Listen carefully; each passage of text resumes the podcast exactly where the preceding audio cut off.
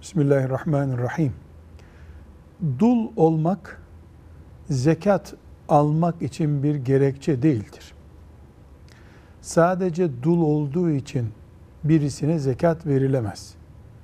Fakirse yani zekat alabilecek durumda ise bir Müslüman dul olsa da olmasa da zekat alabilir. Dolayısıyla dul kız kardeşe fakirse, zekat alacak durumda bir fakirse zekat da verilebilir, fitre de verilebilir. Velhamdülillahi Rabbil Alemin.